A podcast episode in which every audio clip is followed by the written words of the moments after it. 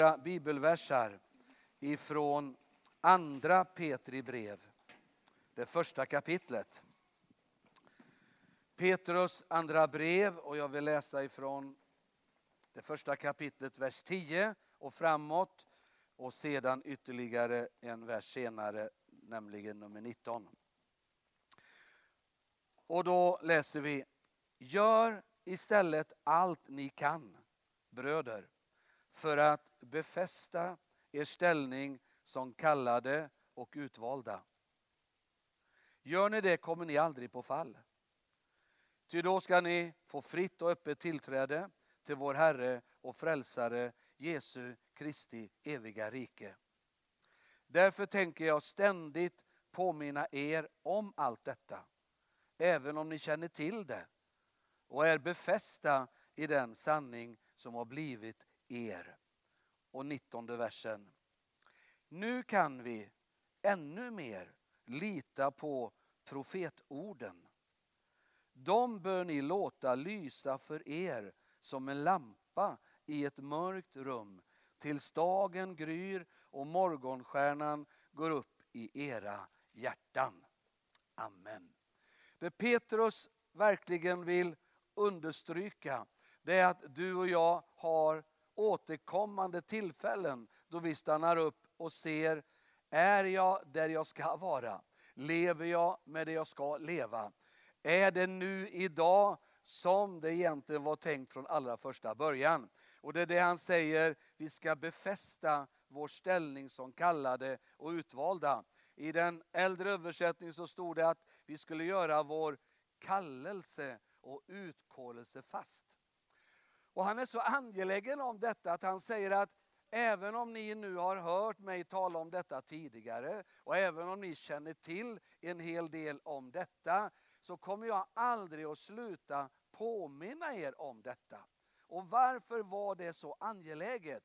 Just av det skälet att om vi förlorar vår förankring, om vi hoppar över vår återkommande utvärdering just kopplat till det som är vår kallelse så kan vi i livet komma ur kurs eller komma på fall. Det här ordet är egentligen tänkt kopplat till navigering och navigation. Och just det här då när man navigerade innan radarns tid och det här så fick man ju fastställa var befinner jag mig någonstans. Och sedan så bestämde man sig för vart är jag på väg och så la man ut en kurs. Och sen när man då gav sig ut så behövde man så att säga stämma av att man höll den först utlagda kursen. För det var saker i, så att säga, inte ens i det synliga som kunde få mig ut ur kurs. Det fanns stormar naturligtvis som verkligen jag då förstod av stormarna att jag behöver återkoppla, förankra så att jag befinner mig i det som var först planerat. Men det kan också vara att jag kommer in i eh, tillfälliga så att säga vatten där det finns underströmmar. De man egentligen inte ser men det påverkar just kursen. Och sedan så kan jag så att säga då initialt vara väldigt, väldigt lite ur kursen. Men när tid går så förstärks den kursförändringen hela tiden. Men för mig personligen, det är ungefär du vet som när man blir äldre. Man tänker inte så mycket på att man blir äldre förrän man möter någon man inte har sett på länge. Då förstod man att man har blivit äldre. När man tittar på den andra och då säger den att ja, men det räcker att titta på dig också. Så förstår man att tiden har gått. Va? Eh, men, men när vi lever med det varje dag så ser vi inte förändringsprocessen på samma sätt. Och det är likadant med vår vandring med Herren. Både som enskilda men också som församling. Vi måste hela tiden återkoppla till någonting. Vad var skälet för att någonting började? Vad var det Gud sa till oss när vi började gå med honom? Vad var det Gud sa från början? När församlingen liksom blev till och, och proklamerade sin existens. Det han sa då eller sagt efter vägen är det vi alltid bör vara noggranna med. Och det är det då vi läste i den 19 versen. Där Petrus säger att eh, det profetiska ordet, det ord Gud har talat in. Allt det här är profetisk skrift. Sen har vi ju det där tillfället, eller tillfällena, när Gud kan använda sitt ord och bara från ingenstans skicka in det i vår livssituation. Vi fattar knappt, nu fattar vi ju det eftersom vi lärt känna den heliga Ande, att hans uppgift är att tala in i våra liv. Och han talar inte av sig själv, han talar bara det han har hört av Fadern och han talar utifrån skriften. Och på det sättet kan vi få ett tilltal som vi säger. Och då får vi ett innehåll för vad han vill med våra liv och då ska det vara din skatt. Det ska vara det dyrbaraste du lever med. Tänk att Gud har investerat någonting i mitt liv. Han var så angelägen om att jag skulle få fatt på det så att han gjorde allt för att det skulle komma igenom. Och det är klart att då önskar han ju hans bön för dig och mig. Jesus ber för oss varje dag. Han sitter på Faderns högra sida, manar gott för oss. Tack för att den helige Ande också manar och suckar för att det ska gå väl för dig och mig. Va? Men innehållet i den bönen, det är ju framförallt detta, det ska bli med våra liv som var tänkt från början. Det står i psalm 139, medan vi formas i våra mödrars liv, så är alla våra dagar uppskrivna i hans bok. Tänk att han till och med var där när vi sammanvävdes och blev till i våra mödrars liv och vi fick en personlighet. Vi fick så att säga ett innehåll i vårt liv som skulle bli perfekt anpassat efter den dröm Gud hade i sitt hjärta och som han hade skrivit om i sin bok. Och sen står det i Fesebrevet att han vill ju utifrån det att vi har kommit till tro vägleda oss in i förberedda gärningar som är välsignade. Så det är klart att här ser vi någonting som bör vara en av de mest angelägna sakerna för varje kristen och också för varje församling. Just detta Gud, låt det du har talat till mig vara det dyrbaraste för mig i mitt liv. Idag är det en liten annorlunda gudstjänst. Det, det, det står eh, i annonsen såg jag att vi skulle fira mig. Men, men eh, jag har inte varit så mycket pigg på det där. Eh, utan för mig är det mer så här då. Det är klart, församlingen har funnits i 23 år, det vet vi. 20 av de åren har jag nu varit pastor. I den bemärkelsen ledande pastor. Jag fick ju vara med och stå tillsammans med Sven Nilsson när han tog emot ordet ifrån himlen och vi proklamerade den här församlingen. Så i 23 år har jag levt, jag har levt med den från dag ett så att säga. Men i 20 år har jag haft det ledande ansvaret. Och det är klart att det blir på något sätt en form av milstolpe. Och då blir det också någonting av det som Petrus talar om här. Det finns skäl till att göra en avstämning. Och avstämningens syfte är alltid att förankra oss starkare i kallelsen. Att göra den tydligare, att göra den enklare, att göra den mer tillgänglig för dig och mig så vi kan bli en del av dess uppfyllelse. Du vet, det underbara är ju vad Jesaja talar om i Jesaja 55. Det är ett ord jag ofta återvänder till. Då står det så här i Jesaja 55. Så är det med ordet som kommer från min mun, säger Herren. Det vänder inte fruktlöst tillbaka, utan gör det jag vill och utför mitt uppdrag. Det är därför det är så viktigt att inte tänka att Guds ord är information. Guds ord är en uppenbarelse av hans vilja, men inte bara det. I själva ordet, när han sänder det och vi tar emot det, så finns det också ett mottagande av alla förutsättningar som vi behöver för att det ordet ska kunna förverkligas i och genom mitt liv, våra liv. Så när han talar är det inte att han säger, det här vill jag att ni ska göra, hoppas det går bra. Utan vad han säger det är att detta är min vilja och jag tror för att ni kan göra det. Och i mitt ord har ni alla resurser. Ni kan bara vända tillbaka för jag kommer att vara trofast. Jag kommer att hålla mitt ord, jag kommer att stå för det, jag kommer aldrig att svika mitt eget ord. Och då får hans tilltal en helt annan dimension än en uppmuntran. Det leder till förkrosselse. Tänk att han finner förtroende i våra liv, att vara en vital del för att förverkliga hans planer också i den tid jag lever i. Du vet, i Uppenbarelseboken har vi de första kapitlerna det vi kallar för sändebreven. Herren skriver till församlingen. Och varför gör han det? han har gjort en utvärdering. Han har gjort en avstämning. Han har egentligen gjort precis det han förmedlar genom Petrus, där i Petrusbrevet. Han, låt oss säga, skannar av alla de här församlingarna. Och så ger han en utvärdering och säger att det här är bra, det här är verkligen mindre bra, det här är dåligt, det här behöver ni vända om ifrån. Men han liksom går igenom. Vad är ni i relation till det började? Och jag menar till en församling säger han, vad är er första kärlek? Vad är er första passion? Tänk vad det startade. Ni var beredda att ge era liv för mig. Idag har ni sjunkit undan i en bekvämlighet. Och när han gör den här utvärderingen så finner vi genom det bibelordet att där finns en nyckel som kan hjälpa dig och mig. Att så många av församlingarna faktiskt hade kommit ur kursen, för det är det de hade gjort. De var inte längre på den kurs som var från begynnelsen. Men det fanns ett skäl till att de hade distanserat sig från vissa saker som var från början. Och det var för att de hade fått en felaktig eller bristfällig information, uppenbarelse, medvetenhet om vad som var församlingens kallelse. Du vet en församling är någonting utöver en samling människor. Guds plan med församlingen är att det ska vara ett redskap. Det ska vara en hand, en arm för honom in i tiden. Och det betyder att vår förståelse av hans planer och tankar för en församling har faktiskt stort inflytande på hur mycket eller i vilken begränsad form han kan göra det han har tänkt sig.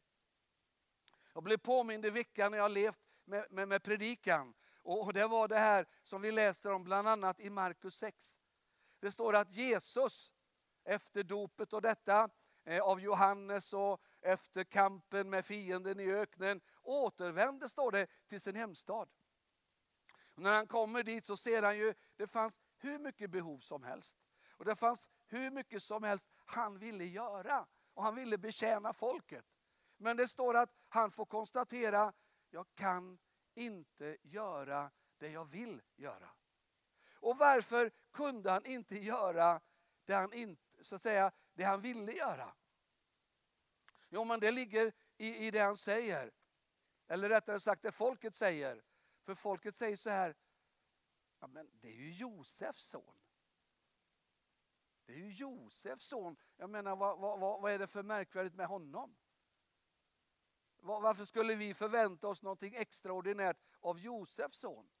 Så de, de kunde inte se någonting annat över honom än Josefs son. Men det fanns någonting mer. Det fanns någonting annat. Och det var att han var Guds son. Han var Guds son. Och han var Marias son. Det var någonting annat. Och där ser du skillnaden. Se honom som en bild av församlingen. Har du en felaktig bild av församlingen begränsade också Gud att göra det han vill. Och därför så måste vi som tillhör en del av då Kristus Center, vi måste också ha en sann bild, en verklig bild, Guds bild. Guds bild var att Jesus, han var inte Josefs son, han var faktiskt Guds egen son. Han var född av jungfru Maria in i tiden. Därför var han extraordinär. Och jag vill säga, varje levande Guds församling som lever i en förståelse av varför de finns. Vad som är skälet och syftet är någonting extraordinärt in i tiden. Kan göra extraordinära saker just därför att de har en kallelse att kunna göra det. Varför finns vår församling? Varför finns Kristet Center? Av vilka grundläggande skäl proklamerades den här församlingen den 19 augusti 1995. Var det för att det saknades församlingar i Örebro eller i Sverige? Jag vet inte. Det enda jag kan konstatera är att det finns många församlingar i stan. Eh, ungefär kanske någonstans 25-28 frikyrkor förutom Svenska kyrkan och övriga kyrkor som också finns. Så visst finns det kyrkor. Men ur Guds perspektiv så vet jag inte om det saknades. Men en sak vet jag, det var inte vårt medvetna skäl till att församlingen startades. Att vi kom fram till tanken, det är för få församlingar, vi behöver se till att det blir en till som blir proklamerad. Var det missnöje? Var vi missnöjda med det som fanns? Tyckte vi att det representerar inte det vi önskar, det vi vill se? Var det strategier och planer, ambitioner ifrån människor? Nej, det kan jag verkligen dokumentera eftersom jag kan hela resan. Och inte minst det gäller Sven Nilsson själv. Där fanns inga ambitioner. Det fanns inga ihopatänkta tankar. Han hade ingen plan på detta tre månader före det hände. Inte en tanke, inte en plan. Det enda skälet, det var att det kom ett ord ifrån Herren. Och det kom ungefär på det sättet som några år tidigare Roger Larsson profeterade om ute på tältmöten utanför Västanås, nere på gräsytan. Och jag var på det mötet. Det var hösten eller sensommaren 93. Och där profeterade han om, och då, då kan man säga att hans profetiska ord handlade om att Gud skannade av Örebro och talade om att det finns mycket sjökoväsende. Det finns mycket som var orent, det var mycket som inte stod för det man hade namn att stå för. Men då säger han så här, jag kommer att överraska Örebro, säger Herren. Jag kommer att slå ner en sanningens påle mitt i Örebro. Och det kommer att gå så fort så ingen kan hindra det. Det kommer att slås ner så hårt så ingen kommer kunna rycka upp den. Och det ser jag på något sätt kom sedan året efter. Jag pratade med Sven Nilsson i maj 94 och frågade hur ser du när det gäller Örebro? Är Örebro ett avslutat kapitel när det gäller din kallelse och din tjänst? Ja, sa han.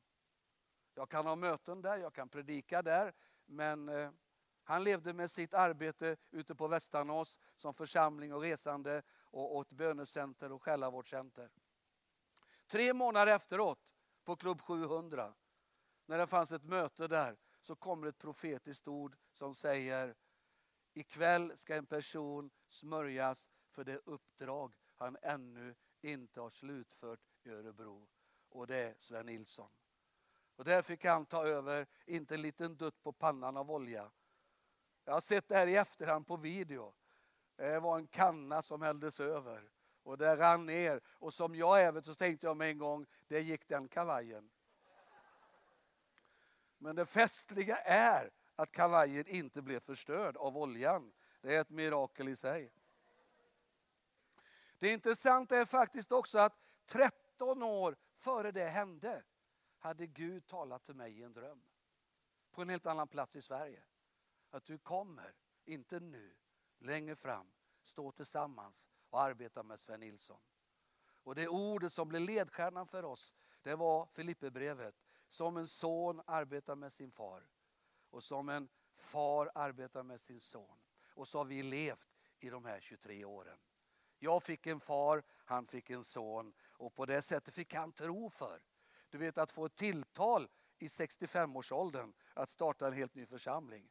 Det är inget som man gör, i alla fall inte om man heter Sven Nilsson. Jag glömmer aldrig vårt första samtal när han sa, du förstår, min största utmaning har varit det långsiktiga. Du förstår, det är ett ansvar Per-Åke att involvera människor, att få deras förtroende. Man kan inte hantera det hur som helst. Utan det måste finnas en långsiktighet, det måste finnas en noggrannhet. Och, och, i det så klev vi in i det här steget. Så det finns så att säga någonting av något förberett innan vi själva ens visste om det. Tre månader före Gud tala hade Sven ingen tanke. När Gud hade talat kontaktade han mig dagen efter. Vill du stå med mig Per-Åke i att starta en församling? Jag hade ju varit förberedd i 13 år så att det var inte svårt. jag tycker det här är underbart. Du vet, det är alltid på det sättet. Ja, det är viktigt att få med också i det här. Tre år senare än församlingen proklamerades så kom Gud igen på ett sådär tydligt sätt och gav oss ett ord utifrån Jesaja 54, verserna 1 till och med 3. Vi ska läsa det lite senare. Men han gav det ordet till oss. Och jag är så glad att vi gjorde som vi gjorde. Det kom till mitt hjärta, vi delade tillsammans som ledarskap och sedan så bar vi fram det inför församlingen och sa så här, vi uppfattar att Gud ger oss som församling det här uppdraget. Är vi beredda att ta emot det? Är vi beredda att ta det som vår kallelse, som vårt uppdrag? Och vi tog ett enhälligt församlingsbeslut av detta i januari 98. Jag tycker det är underbart. Och du får se lite längre fram i predikan att du kommer att tycka det också. Du vet, det är alltid uppdraget och det är alltid kallelsen som ger församlingen eh, sitt existensberättigande. Därför att vi lever nämligen inte för oss själva. Ingen är tänkt att leva för sig själv eller att förverkliga sitt eget liv. Gud har en högre tanke, en bättre tanke. Och det är att du och jag, vi finns till för att upptäcka, bejaka Guds tankar, plan och vilja för oss. Och Det är någonting vi kan efter vägen mer och mer se men också ge oss till. Men det är likadant med församling. Guds tanke är ju inte att vi ska komma tillsammans och idka kristen verksamhet. Utan vi ska bli ett redskap, en utgångspunkt för Gud att kunna verka in i tiden. Men om vi förlorar en tydlighet på vårt kallelseuppdrag, då kommer vi att på samma sätt som de gjorde i Uppenbarelseboken, vi kommer att få se hur syftet med en församling faktiskt går förlorat. Det talas om att nåden kan så att säga förslösas. Hebreerbrevet talar om det. Alltså Gud varnar oss för att inte så att säga vara, eh, ha dräneringshål i våra liv. Så att när han öser in nåd så rinner den ut. Och då kopplar han det till en viss händelse, han som skrev Hebreerbrevet historiskt bakåt i tiden. Hur det var sådana som tog emot ordet, men en hel generation gick miste om syftet. Men nästa generation som kom tog det igen, för det fanns kvar. Syftet fanns kvar. Men generationen fanns inte kvar. Du vet Jesus säger så här att när saltet mister sin sälta, de förlorade sin, sitt existensberättigande. Det duger bara, står det, till att kastas ut och betrampas. Saltet har ett värde så länge det är salt. En församling har ett värde så länge det uppfyller kallelsen. Det jag bara ska avsluta då med och, och göra det väldigt koncentrerat, det är att ta det här då som en, en viss form av avstämning, men också eh, en, en, en viss form av förankring när det gäller själva kallelsen. Vad är kristet centers kallelse? Det är bra, då kan du hjälpa mig allt eftersom det här. Vad är kristet centers kallelse?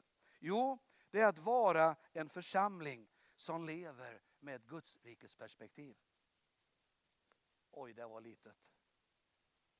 Det var för litet. Men det står där, det jag sa. Det är att vara en församling som lever med ett Guds perspektiv. Självklart finns vi alltid för de förlorade. Vi ska förkunna evangelium. Vi ska förkunna de glada nyheterna för de som ännu inte har mött Jesus. Det är varje församlings självklara kallelse. Vi har alltid ett betjänande syfte i det läget. Men Gud talar om att församlingen har också ytterligare ett syfte. Det är intressant att läsa i Matteus 24 och 14. När Jesus berättar om kommande tider. För lärjungarna kommer till honom och frågar vad är det som ligger framför oss i tiden. Då berättar han ett profetiskt scenario. Men så säger han, i allt det här så, så, så kommer det hända någonting längre bort. Och det som ska hända längre bort, det är att jag ska komma tillbaka. Men då säger han, men innan jag gör det måste förkunnelsen om Guds rike nå alla. Han säger inte förkunnelsen så att säga utifrån korset. Han säger förkunnelsen om riket. Och Det intressanta är då att i Apostlagärningarna, det 28 kapitlet, när det står om Paulus när han sitter i husarrest i Rom. Och han är där några år. Men då står det att han liksom startar möten i hemmet. Och han bjuder in folk. Och vad säger han så att säga under de där mötena? Ja, det står så här. Från morgonen till sena kvällen vittnade han om Guds rike och utlade vad det innebär. Och utgående från Mose lag och profeterna sökte han vinna dem för tron på Jesus. I den 31 versen så står det han förkunnade Guds rike och, och undervisade om Herren Jesus Kristus. En församling har ett kallelseuppdrag att förkunna evangeliet om Jesus. Vi ska väcka tro på honom. Vi ska väcka tro på att det finns nåd, upprättelse, helande, läkedom och befrielse. Men det finns en kallelse utöver det och det är att förkunna riket. Du vet, det är ju detta Jesus lägger ner i bönen när han säger så här ska ni be. Fader vår som är i himmelen. Och så kommer han, låt ditt rike komma. Låt din vilja få ske. Låt ditt rike, alltså på Jesus fanns en oerhörd beslutsamhet och medvetenhet om att riket måste bli synligt. Därför att han kom inte bara in i kötslig gestalt. Bibeln säger att han kom in med Guds rike i tiden. Hans verklighet som han vill förmera i tiden, det är hans rike. Vi tror nämligen, och det vill jag att vår församling alltid ska leva i. Vi tror på att Gud har något att säga på livets alla områden. Inte bara syndernas område. Inte bara helandets område, befrielsens område. Han har något att säga på livets alla områden, till och med på det politiska området. Visst är det fantastiskt? För Guds rike är större än den personliga upprättelsen i vårt liv med Gud och som människor. Gud vill att rikets tankar ska få välsigna, så att säga, vår samtid. Det andra, det är att Kristus Center ska få vara en församling som står upp för Israel och det judiska folket. Israel och det judiska folket är inte en intressefråga för oss. Det är en kallelsefråga. Vi lever inte med det som att vi tycker det här är intressant. Vi lever med detta, det är vårt uppdrag. Och hur kan det bli det? Ja men det är ju självklart utifrån Bibeln. Därför att Bibeln förkunnar för mig och för dig att Gud utvalde det judiska folket genom Abraham som blev den första av det judiska släktet till att välsigna alla människor genom juden Jesus. Det är hela den gammaltestamentliga beskrivningen. Gud kallar Abraham inte för sin egen skull. Gud kallar Abraham för att bli ett folk. Och genom det folket ska alla kunna bli välsignade för att ur det folket ska komma en som är källan till all välsignelse, nämligen juden Jesus Kristus.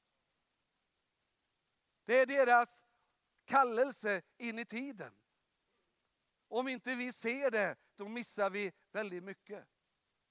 Men du vet, Bibeln förkunnar att det finns en förlängning av den välsignelsen bortom det att Jesus kom, gav sitt liv, uppstod ifrån de döda. För Paulus säger ju i Romarbrevet, det elfte kapitlet, på det här sättet. Om deras fall gav världen rikedom.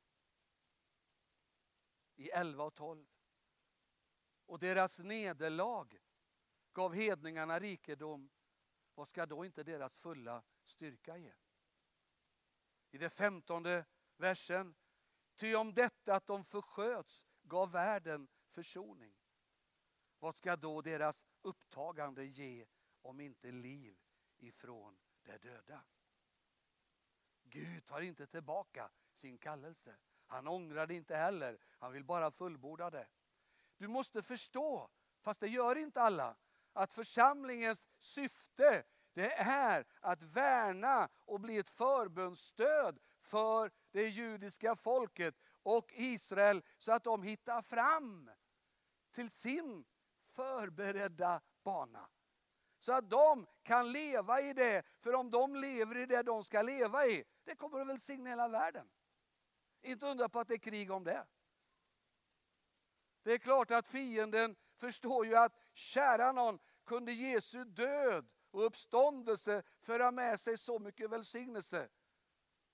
Och man hör att i ordet talas det om att ja, men det finns en nivå som är högre. Bortom det. Och det är om Israel och det judiska folket finner sin kallelse. Vår kallelse det är att stötta. Vår kallelse är att be. Och vi ber och vi stöttar på många olika sätt. Men det jag inte gå in på här och nu. Det tredje. Kristus Center ska vara en lokal församling som tar ett regionalt och nationellt ansvar. När vi bad, Sven och jag, för församlingens proklamation så kom detta som ett tilltal att vår församling är en lokal församling. Men ska ta ett regionalt ansvar och bli till ett nationellt inflytande. Och den kallelsen kan vi aldrig skaka av oss utan vi vill leva i den och låta Gud leda oss in i det. För det är han som leder. Och därför kommer vi alltid att få ta initiativ som har både regional och nationell karaktär. Det fjärde. Vi ska vara en missionerande församling med expansiv tro. Som lever med expansiv tro. Vad menar jag med det? Jo, nu ska vi läsa ordet som kom till oss 98 och som den här församlingen tog emot.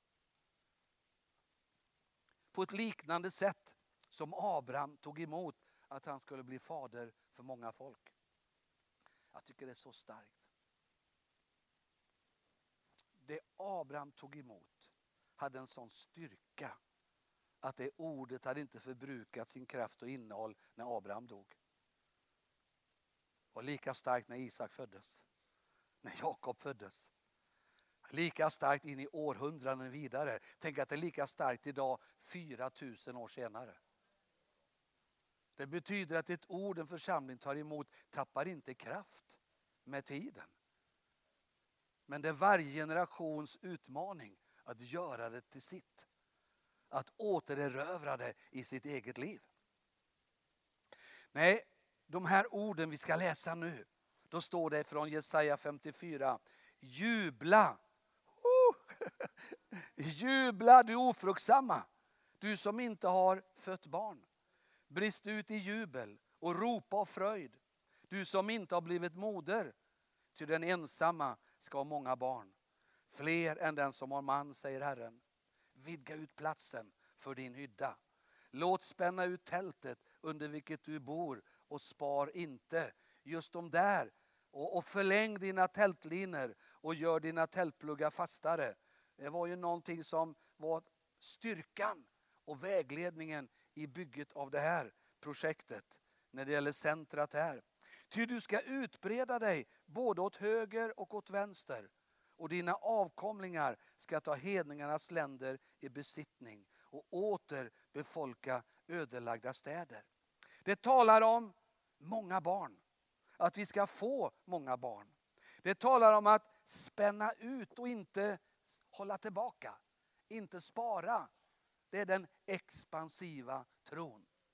Som tar oss längre hela tiden. Det talas om många barn, det talas om våra ynglingar. Det betyder att den unga generationen har vi förstått förväntar sig Herren att vi ska ta ansvar för. Men också, det talas om hedningarnas länder och hedningarnas städer och ödelagda städer. Vi talar om mission.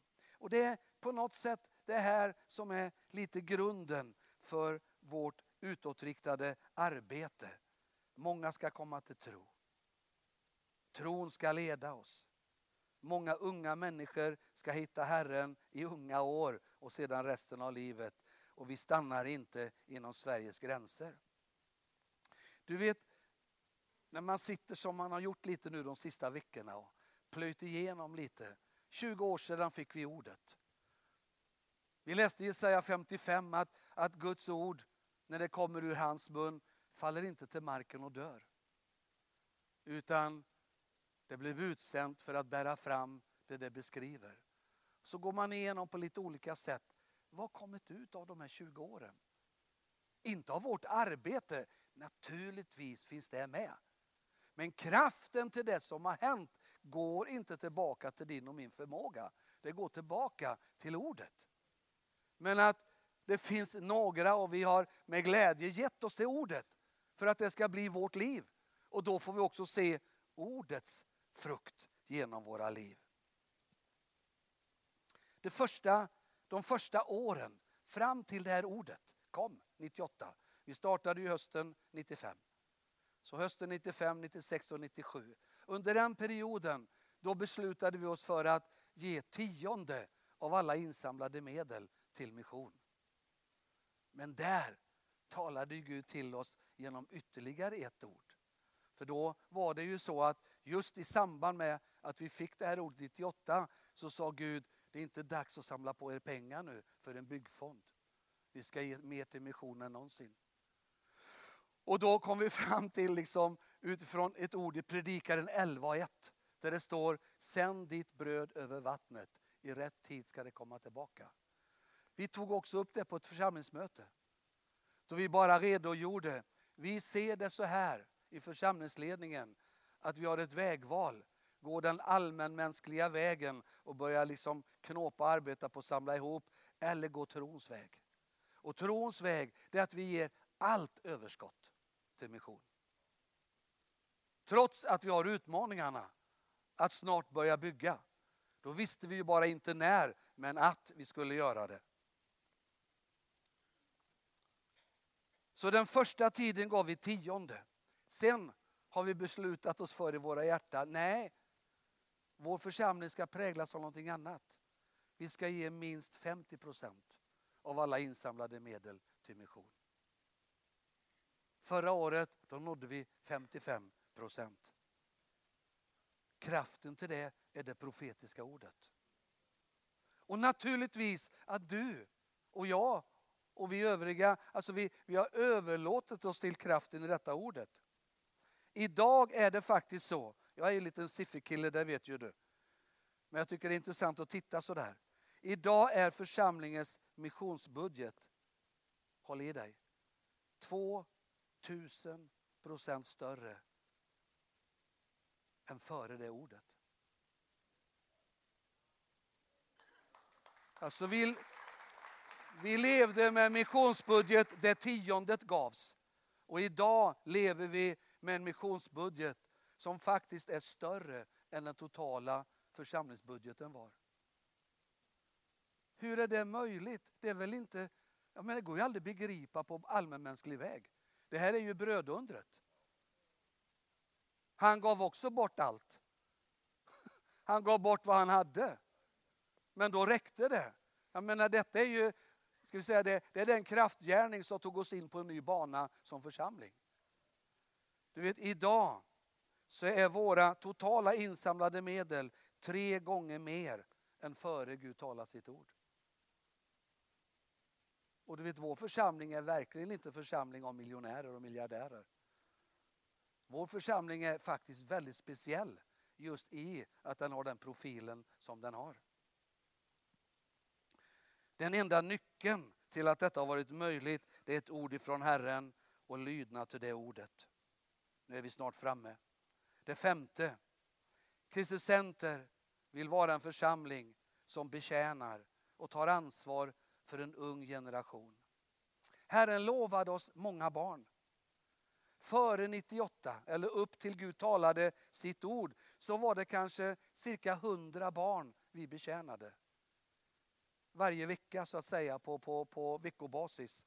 Idag är vi uppe i cirka tusen barn varje vecka. Och vi betjänar på lite olika utgångspunkter. I och genom den lokala församlingen, i och genom skolan, men också i våra fadderarbeten i Uganda, i Kenya och i Israel. Gud har lett oss på olika sätt för att ge de hopplösa ett hopp. För att ge de skyddslösa ett skydd. Och för att ge dem en framtid och en utmaning för resten av deras liv. Och det är intressant med tanke på vår skola eftersom man nu talar om att våra kristna friskolor liksom skapar orättvisor och segregerar. Du vet, vår skola, jag tror det är cirka 30 nationaliteter. Och det är cirka 70 procent som kommer utanför församlingen. Så jag tror det är ett, ett sätt att visa vi vill betjäna en ung generation på bästa sätt.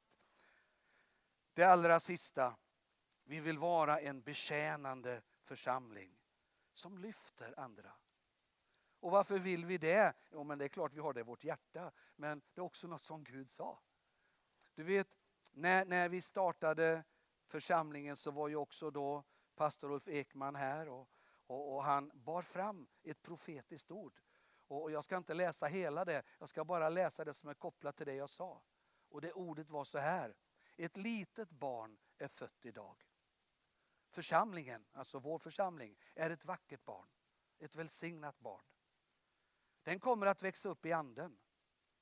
Den kommer att ha nåd från Gud och nåd från människor. Den kommer att ha en stark påverkan på den här trakten. Den här församlingen kommer att göra mycket nytta. Den kommer att få utföra ett saneringsarbete av ovanligt slag. Det har vi verkligen fått uppleva det sista. Eh, den kommer att hjälpa andra församlingar på ett icke hotfullt sätt. Den kommer att etablera sin egen identitet på ett ovanligt sätt. Den kommer att vara fri och oberoende och samtidigt beroende och sammansluten med många andra. Den här församlingen kommer att vara ett föredöme när det gäller sann enhet, inte krystad människoskapad sådan. Den här församlingen kommer att vara sund och balanserad.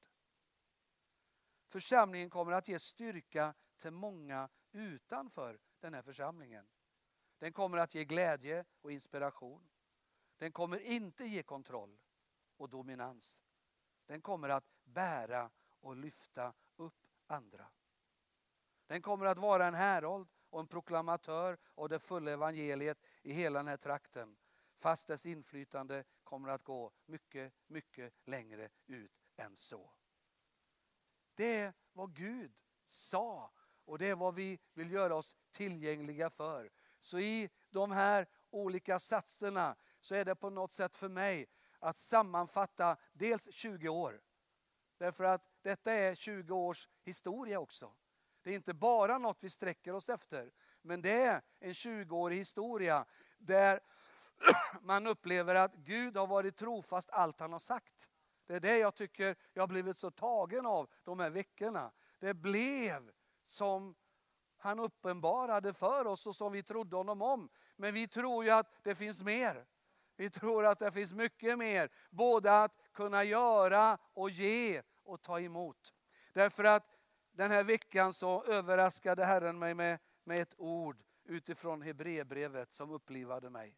Och det står i Hebreerbrevet 6, och med det ska jag sluta. Då står det så här i de första verserna.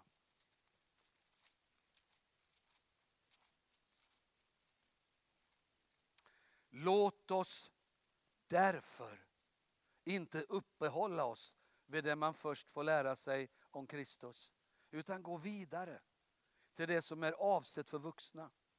Vi kan inte börja om med grunderna. Omvändelsen från döda gärningar, tron på Gud och läran om dop och handpåläggning. Om det dödas uppståndelse och evig dom.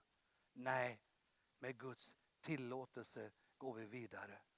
Och det var framförallt den sista versen som jag i min bön bara blev påmind och upplivad på insidan av. Jag tror att jag vill på det sättet göra en, ska vi säga en summering, göra en slutsats av min egen förkunnelse, men också av våra 20 år.